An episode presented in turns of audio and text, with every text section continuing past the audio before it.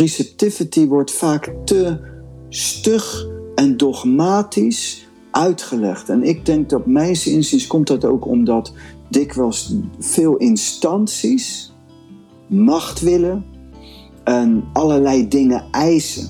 Ik zeg wel eens, ik geloof wel in Jezus, maar ik ben wat kritischer op de instantie kerk.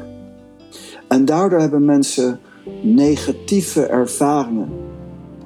En ze hebben ze ook weerstand tegen ontvankelijk zijn of zich ondergeschikt opstellen. Maar ondergeschikt opstellen is niet jezelf laten vernederen, uh, dingen doen tegen je zin in. Dat is helemaal niet de bedoeling. Maar ontvankelijkheid is de bereidheid om te durven kijken.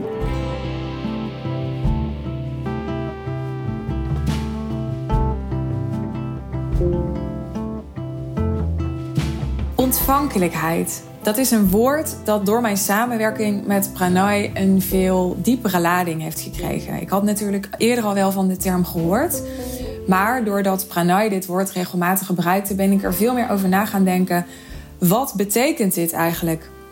Hoe receptive ben ik zelf?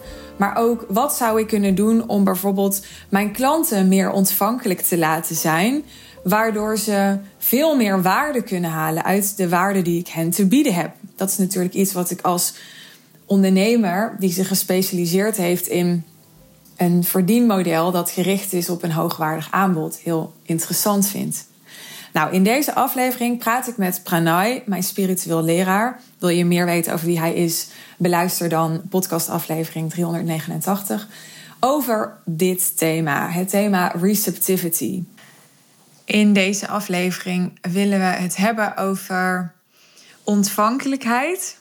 In het Engels uh, noemen we dat ook wel receptivity. En we gaan het daarover hebben in de context van ja, in hoeverre ben je echt bereid om de leerling te zijn? Dat was iets dat toen ik voor het eerst bij mijn eerste business coach kwam, bijvoorbeeld. Die leerde mij al heel snel: je moet altijd de leerling blijven. En nou, ik heb dat goed onthouden en altijd mijn best voor gedaan. En ik heb gezien uh, en ervaren dat dat echt uh, lastig is voor mensen. Ik heb natuurlijk zelf honderden ondernemers begeleid. En echt ontvankelijk blijven. Het lastige daaraan is, zie ik, dat als mensen niet meer echt ontvankelijk zijn, dan hebben ze daar heel vaak zelf ook geen of weinig bewustzijn meer op. Herken jij dat of niet? Ja, absoluut. Het is een onderwerp wat heel belangrijk is. En eigenlijk een heel groot onderdeel is om je in te verdiepen. En het is zeker in het Westen een lastig, een heel lastig onderwerp. Als je niet een ontvankelijkheid hebt, dan kun je niet opnemen. Dan kun je alleen maar cerebraal opnemen, alleen maar oppervlakkige dingen opnemen. In wezenlijkheid ben je dan gewoon een simpele student. Maar er is een soort rangen- en standen idee, om, om het maar zo te zeggen, meer, laag, meer lagen zitten erin. Bijvoorbeeld een hele grote fout, wat in het Westen heel veel mensen zeggen, heel erg onwetend. Ze noemen alles en iedereen hun guru. En guru is dan een woord voor meester. Uh, maar ze beseffen niet dat in het woord guru, als je gaat kijken naar de betekenis, dan is een onderdeel van een guru kan alleen maar iemand zijn die ook daadwerkelijk de bevrijding heeft bereikt. Een Boeddha is, een Jezus is, een, een ontzettend gerealiseerd wijs iemand. En niet omdat je toevallig veel weet van een onderwerp kun je jezelf guru noemen. Er moet ook echt daadwerkelijk in de diepte een realisatie en een beheersing. Een behering, beheersing van het vak of iets wat je geeft zijn. En een heel essentieel onderdeel wat Lao Tse aanhaalt is, je moet je meester hoog hebben zitten. En als je niet je meester hoog hebt zitten, dan luister je eigenlijk niet eens.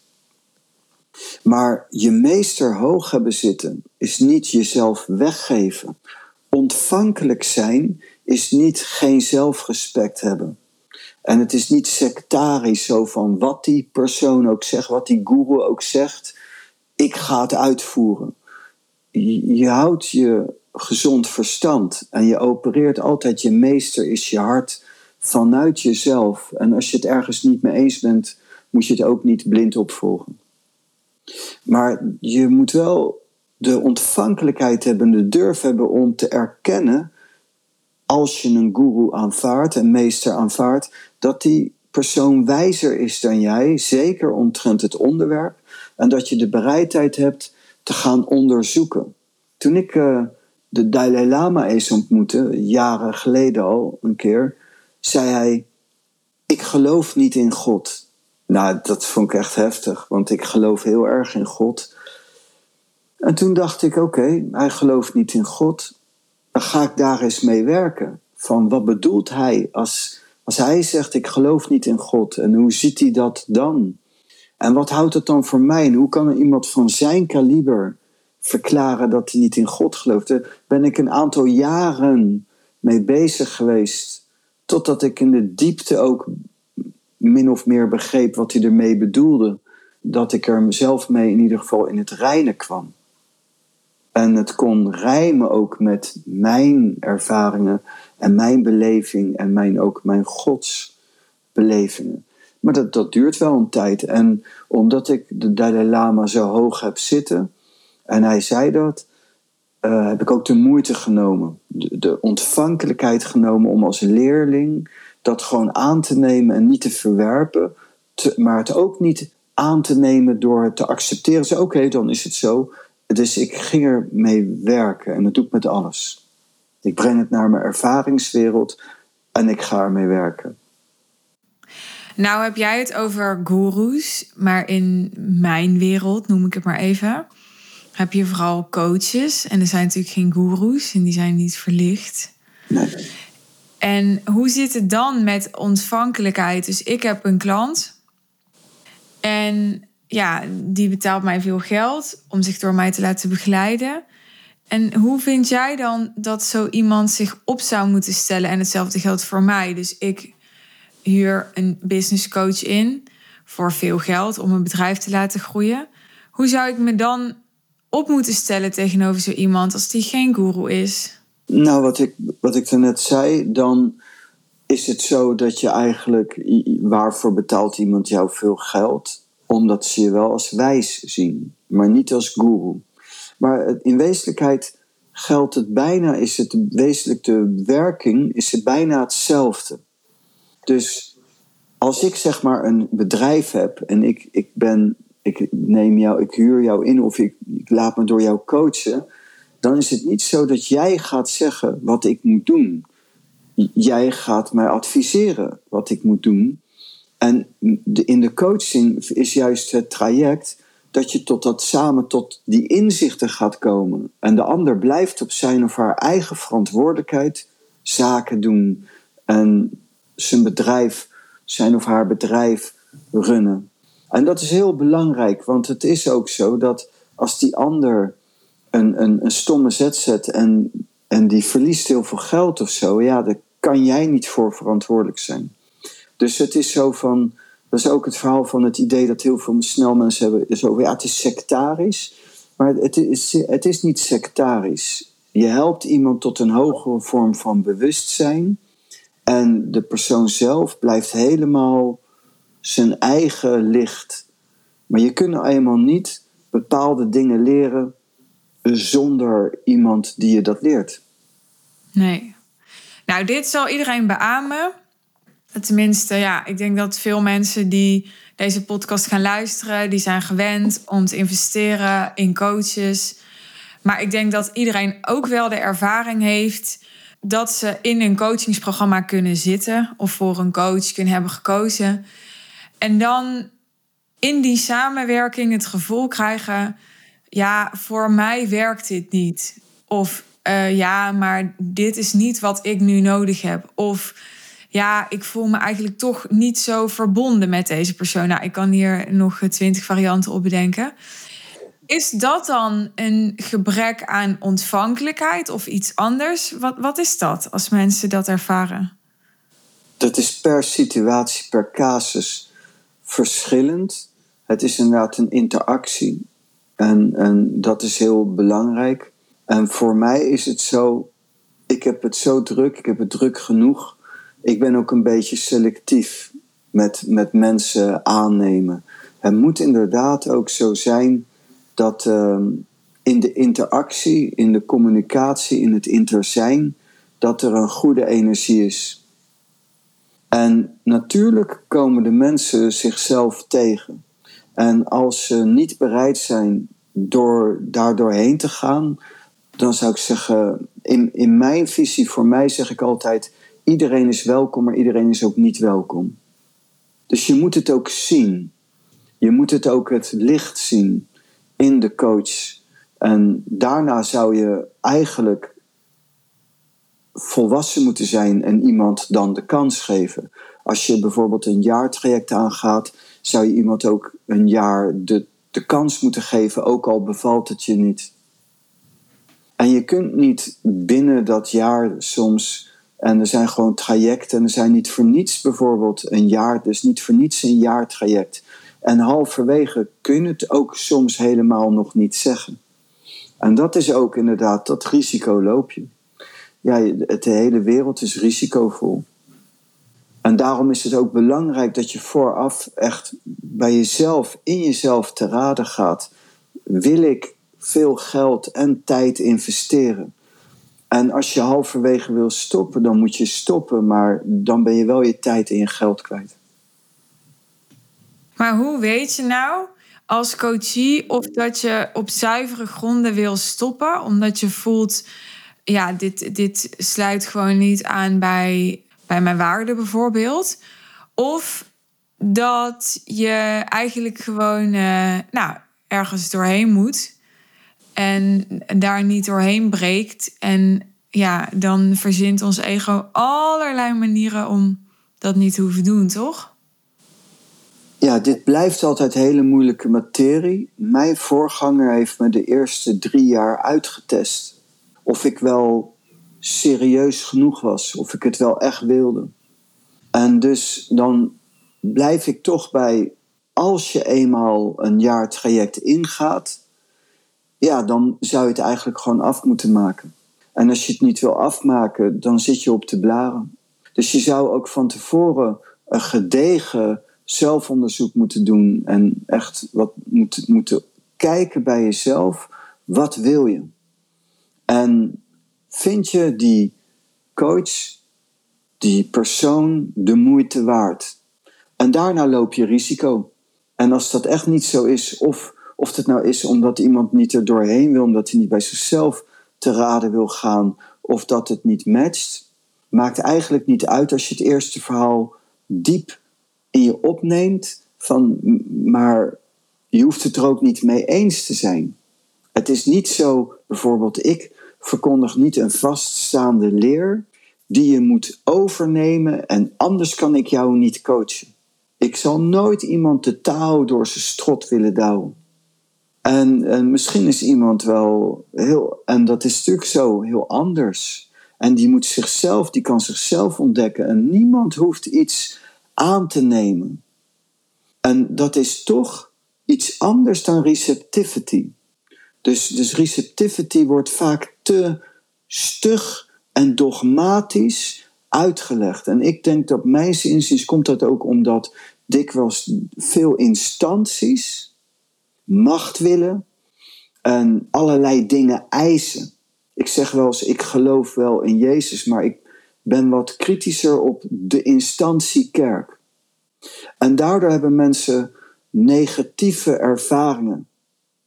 En ze hebben ze ook weerstand tegen ontvankelijk zijn of zich ondergeschikt opstellen. Maar ondergeschikt opstellen is niet jezelf laten vernederen, uh, dingen doen tegen je zin in. Dat is helemaal niet de bedoeling. Maar ontvankelijkheid is de bereidheid om te durven kijken om het te durven onderzoeken. En dus iemand mag, iedereen mag mij tegen mij zeggen: wat een onzin. dan ga ik dat bekijken. Dan kunnen we in gesprek. Ik ben ook niet iemand die zegt: Ik ben de nieuwe Jezus, ik ben onfeilbaar, ik ben verlicht. Het is een interactie en het is ook een interactief spel. Het is ook een, een, een, een serieus spel, want het gaat uh, in zaken soms om heel veel geld. Maar het blijft een interactief, en ik noem het toch een spel. En dan hadden we het net over, ja, wel of niet stoppen, maar dat is dan gelijk vrij uh, rigoureus. Maar ook als het helemaal niet aan de orde is om, om een samenwerking te stoppen, herken ik wel dat ik, ja, dat ik um, vaak heb gedacht, wat zouden we veel meer ja, ROI, dus return on investment, uit onze investering kunnen halen. Allemaal, ik zelf ook. Maar ik heb het dus ook gezien bij, ja, bij mijn eigen coaches en andere mensen omheen. Als we echt veel beter konden luisteren en dus veel ontvankelijker kunnen zijn. Want ja, het is echt veel gehoord in mijn wereld dat ja, iemand een traject start bij een business coach en die zegt, nou, weet je wat echt, wat echt jouw goud is? Jij zou echt dit of dat moeten doen. Nou, en dan gaat iemand een hele weg af en dan na misschien tien maanden of zo komt hij daar een keer uit, terwijl tien maanden geleden ja, die eigenlijk zo de shortcut had kunnen nemen, maar op de een of andere manier was hij op dat was hij op dat moment nog niet ontvankelijk genoeg daarvoor. Is dat ja, is dat iets, kunnen we daar iets aan doen? Kun, wat, wat kunnen we doen? Of zeg jij van, nee, dan is dat gewoon nodig geweest. Dan heeft iemand gewoon dat pad moeten afleggen. En je kan niet een soort shortcut nemen van meer ontvankelijk zijn en daardoor sneller resultaat halen.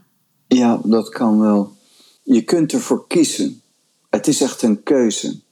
Alleen, je, het is niet zo dat de weg wezenlijk korter kan zijn. En tegelijkertijd ook wel, als je er echt voor kiest.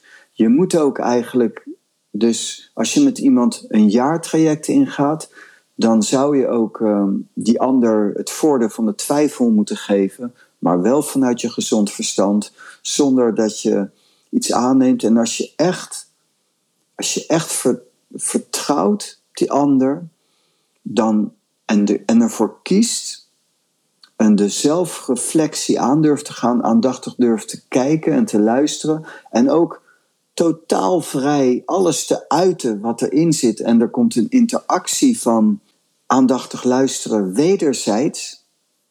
Wederzijds. Dan kan je heel snel gaan. Dat kan heel snel gaan. En tegelijkertijd is er ook geen korte weg dus er zijn gewoon dingen die moet je gewoon doorgaan door karma, door wonden, door, door overtuigingen. En daar moet je gewoon doorheen en, en je moet daar gewoon doorheen. En wat kun je nou als coach doen als je zou willen dat je, je klanten meer ontvankelijk zijn? Wat ik heb gezien bij mezelf in mijn praktijk is het helder zicht. Je moet ook met iets komen. Kijk, er is iemand die komt naar mij en die stelt een praktische vraag. En dan is de analyse en het beeld wat ik dan wat ik kan zien en wat ik dan kan vertellen, de reflectie die ik kan geven, dat, dat, dat is eigenlijk het belangrijke. Dat je kunt zien aan de hand van mijn reacties op praktische vragen, dat ik het op een bepaalde manier overzie. Dat is een meesterschap dat is een bepaalde kundigheid. En dat moet je ook kunnen aantonen. Dus, dus komt iemand bij mij en ik maak een diagnose. En iemand stelt mij een vraag. Iemand die zegt: Ik wil door jou gecoacht worden, bijvoorbeeld. Dan zeg ik: Waarom? Wat wil je? Wie ben, wie ben jij? En dan gaat die persoon praten. En iemand praat. En dan zeg ik na een tijdje: Oké, dus je zegt dit, je geeft dat aan, alleen in je intentie van zijn. En als jij die termen gebruikt, dan zit daar die beladenheid op. En, als je dat, en dan geef ik een reflectie van, als jij dat zegt, dan zie ik dat en dat en dat en dat. En dan kan het zijn dat die persoon zegt van, wat een onzin, even goede vrienden. En of dat dan komt omdat die persoon nog niet durft toe te geven of durft te zien, of maakt niet uit. En daar moet ook de klik zitten. Het is heel praktisch. Heel praktisch. De klik moet er zijn. Oké. En nog even terug naar de coach en de coachie zijn een samenwerking aangegaan. Ja. Nou, daar is, ja, noem het een klik of een resonantie of een verbinding, maar er is hè, een, een gelijk inzicht, maar er is iets geweest waardoor die. Ehm, ik vind die klik wel interessant trouwens, want ik heb eigenlijk altijd iets anders gezegd, dus ik ben benieuwd, nou ja, wat jij daarover zegt als we daar verder op in zouden gaan. Maar er is iets, iets gemeenschappelijks. En ja, op basis daarvan, uh, uh, ik neem even mezelf als voorbeeld, ben ik gaan samenwerken met een klant. Ja. Maar is er dan iets tijdens die samenwerking wat ik kan doen? Hè? Ik snap dat jij zegt, ja, gewoon laten zien hè, dat het werkt wat je doet en dat het waarde heeft wat je doet en dat het gefundeerd is wat je doet. Oké, maar ik ga ervan uit dat iedereen die dit luistert en die coaches, ja, die doet ze stinkende best om de best mogelijke coach en, en meester en begeleider van zijn of haar klant te zijn. Is er dan nog iets concreets, iets praktisch wat je kan doen als coach om je klanten wat, wat meer ontvankelijk te maken nog voor wat ze echt uh, moeten horen en moeten integreren om de resultaten te halen waarvoor ze bij jou gekomen zijn? Ja, zelf denk ik, heb ik nog nooit zo gedacht, wezenlijk. Dus dat is wel grappig.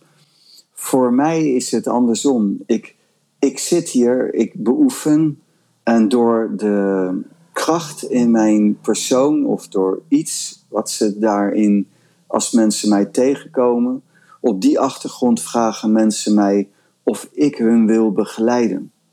En als ik denk van ze willen niet graag genoeg, dan ga ik ook een jaartraject in. Dus er moet ook een bepaalde rijpheid zijn vooraf en anders ga ik er echt niet aan beginnen. En dus dat is belangrijk. Ik ben niet uit om alleen maar te werven. Ik wil ook bereik, ik wil ook resultaat. En dus het is niet alleen afhankelijk van mij, dus ik kijk ook naar de ander. En als een ander, als ik denk van ja, maar er zitten dingen die zijn echt onoverkomelijk, dan zeg ik dat ook. En dan zeg ik, ik wil niet met jou een jaartraject in. Dat ga ik niet doen. Maar ik wil je wel begeleiden en ik wil wel dat. En, dan zal die persoon zeggen, wat, doe, wat maak jij mij? En donder schouw op of wat dan ook, maakt mij niet uit. Maar ik zal gewoon zeggen wat ik ervan vind. En, en dat blijft ook de hele tijd. En er is ook elke keer ruimte om te herzien. En alles heeft ook zijn tijd. En zeg je daarmee dat als ik eh, een, een coachie heb en ik denk, ja, je zou eigenlijk gewoon veel ontvankelijker moeten zijn, dat ik dat gewoon zo moet zeggen? Ja, ik zou dat zeggen. Ja. En, en, en ik zou zeggen van mijn mening is, en wel praktisch. Dus ik praat met iemand en ik zeg van, maar jij zegt dit en jij gebruikt deze woorden. Het is wel ondersteund door dingen die die persoon echt zegt. En dan zeg ik, en dat ervaar ik als zo en zo en zo. Ja. En als die persoon zegt, nou, dat is niet zo, dat is niet zo, oké. dan zeg ik, misschien is dat ook wel zo, want wie ben ik? Ik weet ook niet, ik ben ook niet alwetend. Maar dan ben ik niet degene die jou kan gaan helpen. Ja, ja. Nee, dat herken ik. Dat herken ik. Ja. En daar moet je ook uh, eerlijk in zijn. Dus ik zoek niet alleen mensen om, om te coachen. Ik zoek ook de mensen die bij mij passen. Ja. En, en, en die hoeven niet bij mij te passen uh, heel erg uh, goed, of, maar in de interactie moet een bepaalde energie vrijkomen. En dat is heel gaaf. Dat is vanuit het hart. Als je dieper in het hart komt, als je met iemand spreekt, met wie je ook spreekt, op welk niveau dan ook, dan, dan, dan ik zeg iets, jij zegt iets. En, maar als je dieper kijkt, komt er ook iets vrij. En het kan zelfs zijn dat we bij wijze van spreken zitten te ruzien, maar dat erachter in een bepaalde energie van het hart, dat het toch goed zit. Dan is het goed voor mij. Ja, eigenlijk net zoals uh, met je partner. Ja, ook met partner. Ja. Op, op alle niveaus dat, is dat zo. Nou, laten we nog heel even naar die klik gaan. Want ja, ik heb um, wel eens gezegd, uh, laat ik even voor mezelf spreken, als ik zelf voor een coach kies. Ja, ik hoef een coach helemaal niet leuk te vinden. Ik zou zelf het ook niet formuleren als ik wil daar een klik mee hebben. Uh, ik hoef daar niet eens. ja, jij, jij moet nu lachen, want jij kent mij. Daarom lach je, denk ik. Nee, nee ik lach om de, de uitleg bij klik. Nee, dat, dat bedoel ik ook niet uh, persoonlijk, dat ik die persoon aardig moet vinden. De klik is inderdaad dat in de interactie. Daarom ga ik erop door, omdat ik denk het goed dat je het uitlegt. Ja, inderdaad. In, in die interactie moet het functioneren. Het moet werken. Dat bedoel ik eigenlijk met de klik. Uh, al, al heb je een hekel aan elkaar, nou ja, als het dat, dat is. Maar als het functioneert, is de klik er. Dus ik heb puur klik over interactie van één, jij en een ander. En dat, het, dat, het, dat er dynamiek vrijkomt, dat er iets vrijkomt. En, en een klik is niet per se, oh ik vind je leuk of aardig uh, of lief. Of, het moet gewoon functioneren. Ik denk heel pragmatisch. Nou ja, wie bepaalt of het functioneert dan? Aan de vrucht herkent men de boom. Dus mijn innerlijke geluk, het innerlijke geluk moet groeien. Het moet functioneren. En daarom zal ik ook niet zomaar een jaartraject afsluiten. Als, als iemand uh, dat zou willen, dan wil ik eerst eens een paar keer ervaring opdoen. En, en kijken hoe dat gaat. En, en de eerste vragen van mij zijn van, maar wat wil je? Hoe gaat het met je? Wat wil je? En in die interactie, dan is het er of is het er niet. Maar als het er niet is, gaan we het niet doen. Is heel kort. En als ik twijfels heb, ook niet. Nee, ik denk dat dat bij die aanvang, dat is, ja, dat is vanzelfsprekend. Dat, dat geldt voor mij ook. Maar waar, waar het spannender wordt, is mijn ervaring, is als je bezig bent. En ja, iemand heeft bepaalde blokkades of weerstanden, want die komen gewoon op bij een transformatie. Ja, dan is de vraag: oké, ben je samen in staat om iemand daar doorheen te helpen? Of ben jij als coach in staat om iemand daar doorheen te helpen? Is die coachie in staat om zich daar doorheen te laten helpen? Of haakt iemand daar af? Ja, veel mensen haken af. Ja. De, dus het is heel moeilijk om daar doorheen te komen. Ja. Eh, enerzijds is het best wel makkelijk, maar in de praktijk is het toch zo dusdanig dat het best wel moeilijk is. Ja. En er weinig mensen doorheen komen. Ja. En dus je zult ook wel een bepaalde mentaliteit moeten hebben en een bepaalde wilskracht en een bepaald vuur. Dat is ook waarom ik dan vraag: wat wil je? Wat, zou, wat, wat wil je ervan? En in de intentie waarmee iemand antwoordt en praat en doet. En daarnaast is het hele leven risicovol.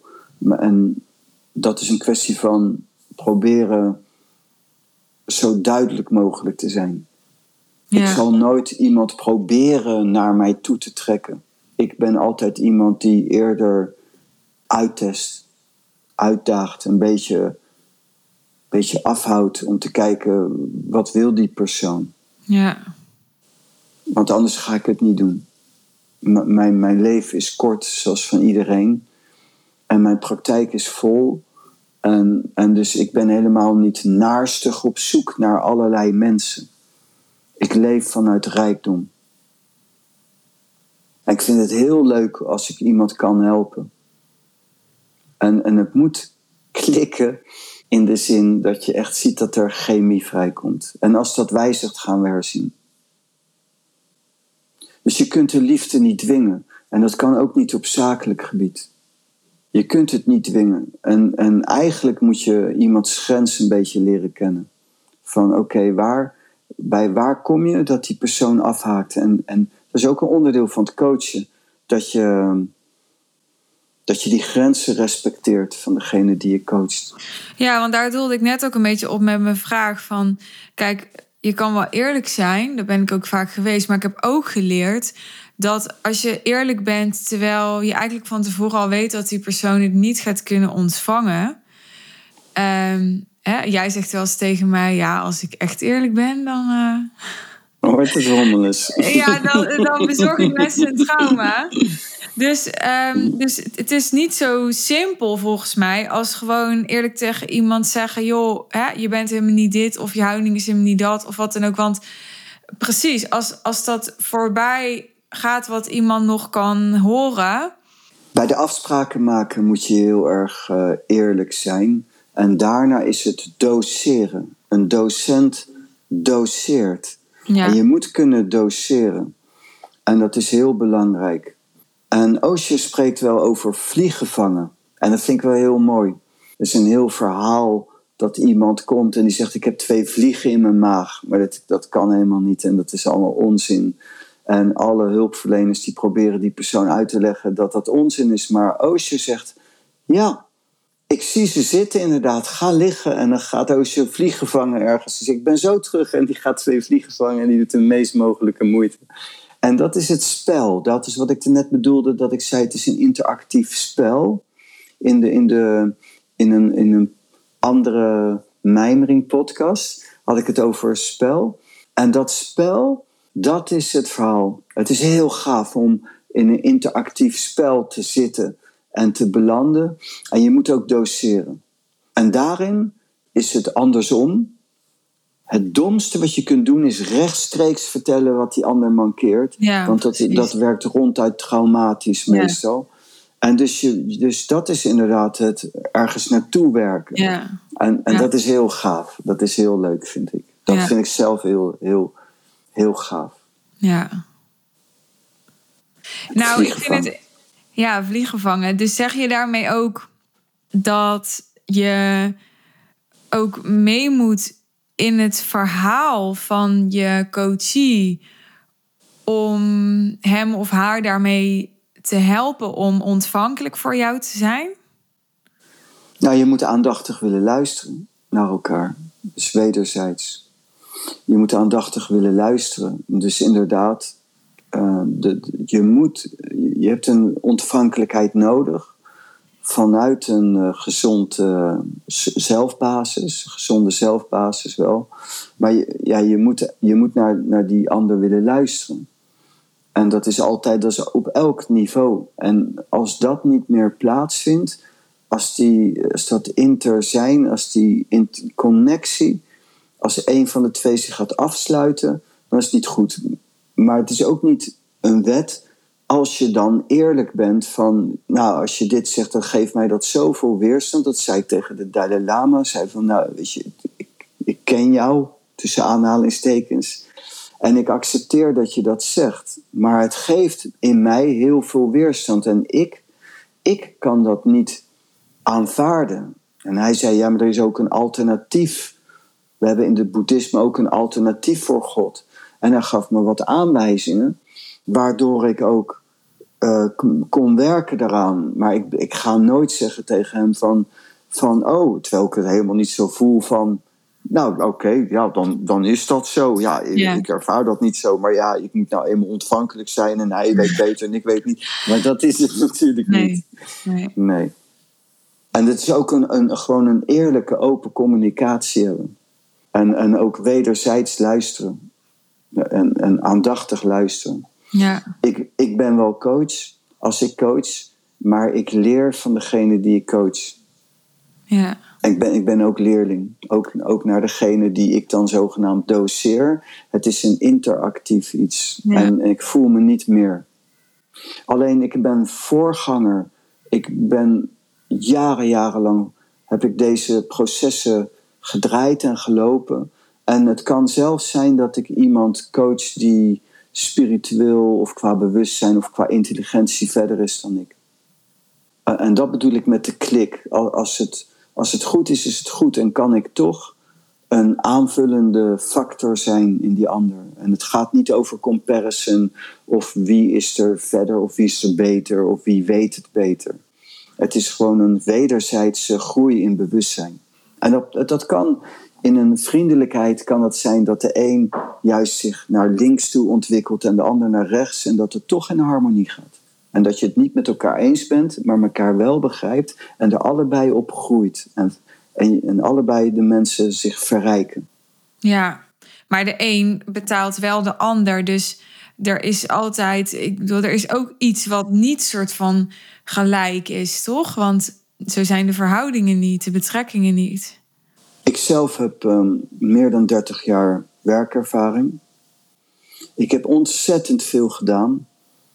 Heel veel geleerd, heel veel oefeningen gedaan, heel veel lessen gehad.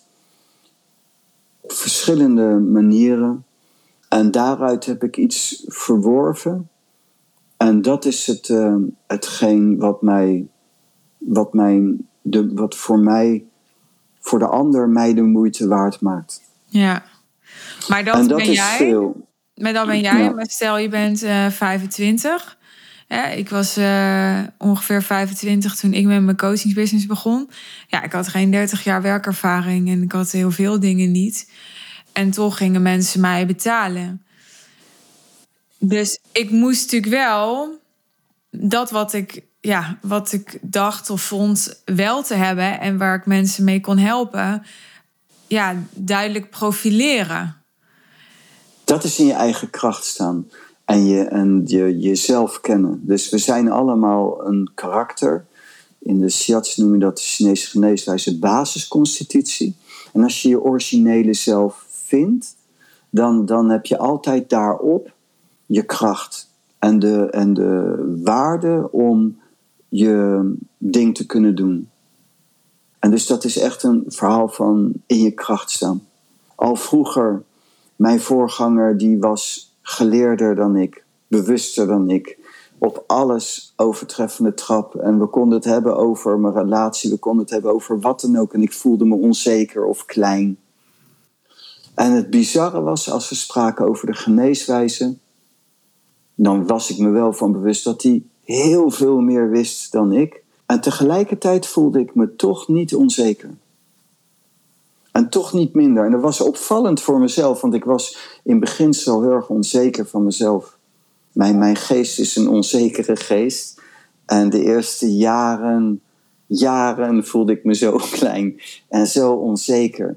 En het was zo apart om te zien. En als iemand iets zei, dan begon ik te zweten of voelde ik me rood worden of zweten. En, en dat was geen beginnen aan met de peet. En, en, en, maar hadden we het over de geneeswijze? Het was verbluffend dat ik zelf verbaasd was. En zo herken je direct al aan de vruchten van: oké, dus daar zit mijn kracht. Ja.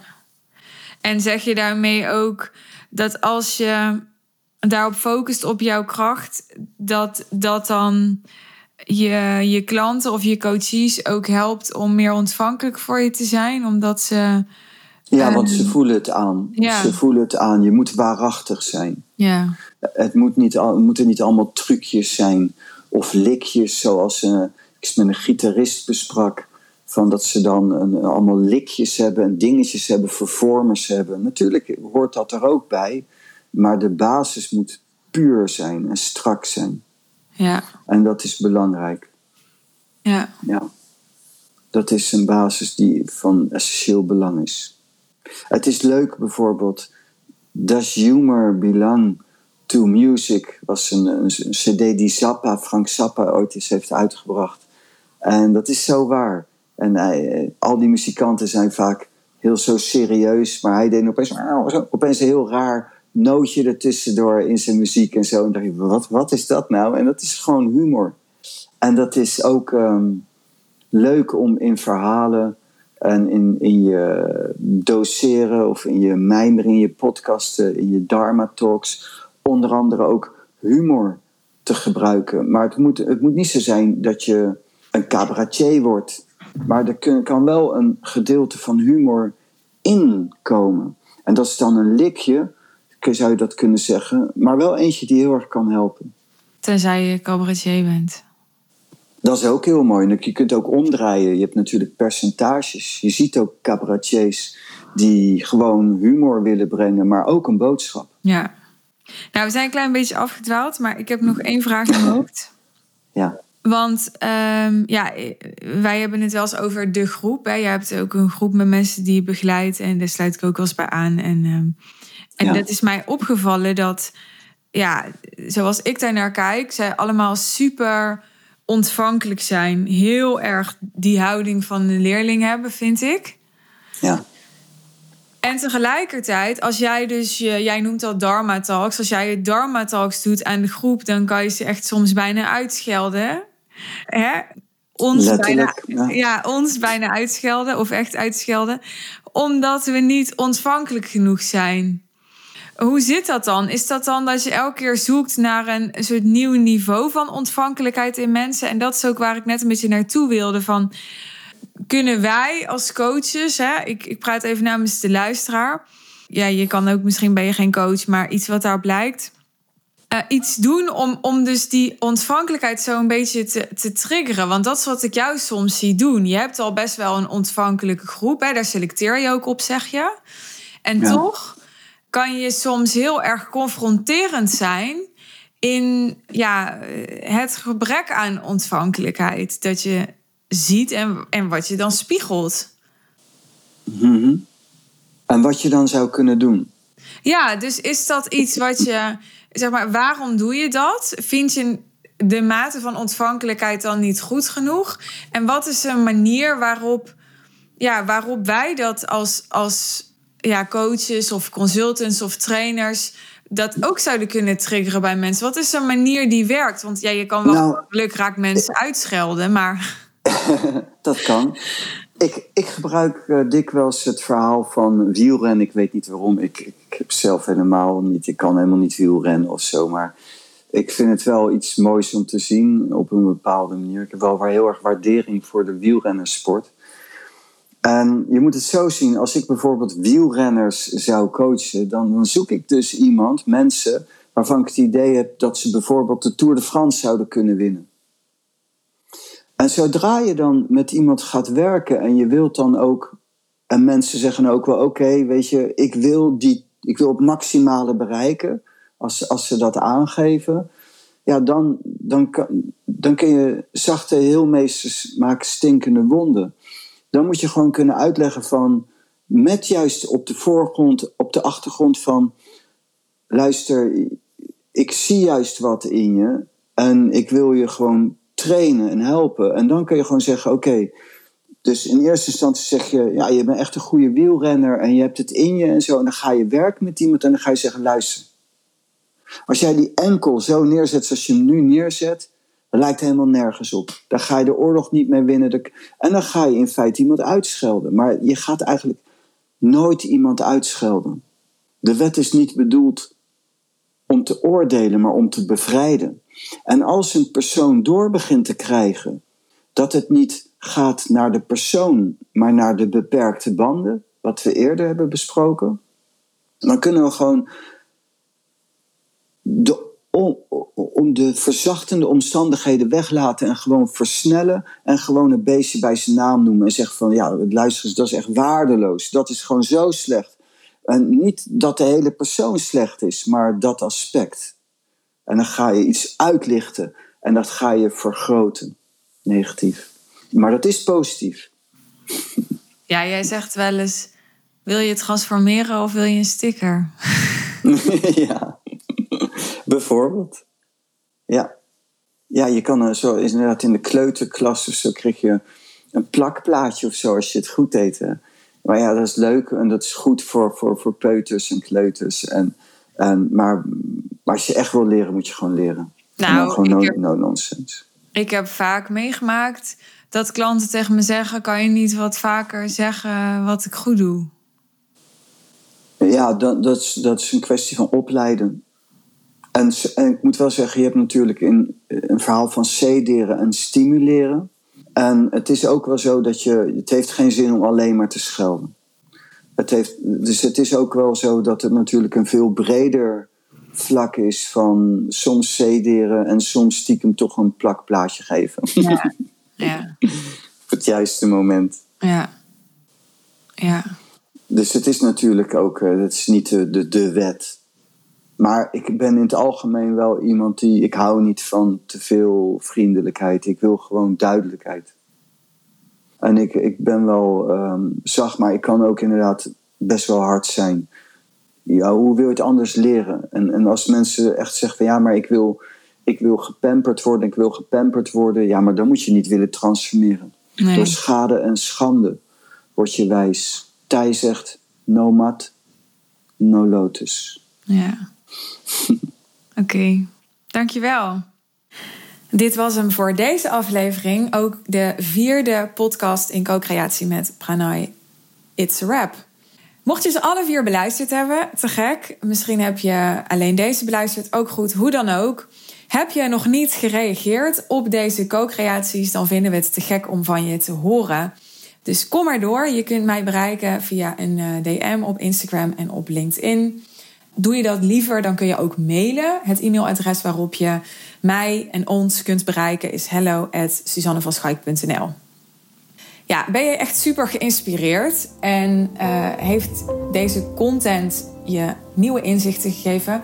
Dan vinden we het ook ontzettend fijn als je een 5-star review wilt geven op iTunes en of op Spotify. En als je deze of een van de vorige afleveringen die we samen opnamen wilt delen in jouw netwerk, zodat ook andere ondernemers er kennis mee kunnen maken. Dankjewel alvast daarvoor. Ik hoop dat je er de volgende aflevering weer bij bent. En ik wens je voor nu een mooie dag, een mooie avond. Misschien wel te rusten. En tot de volgende keer.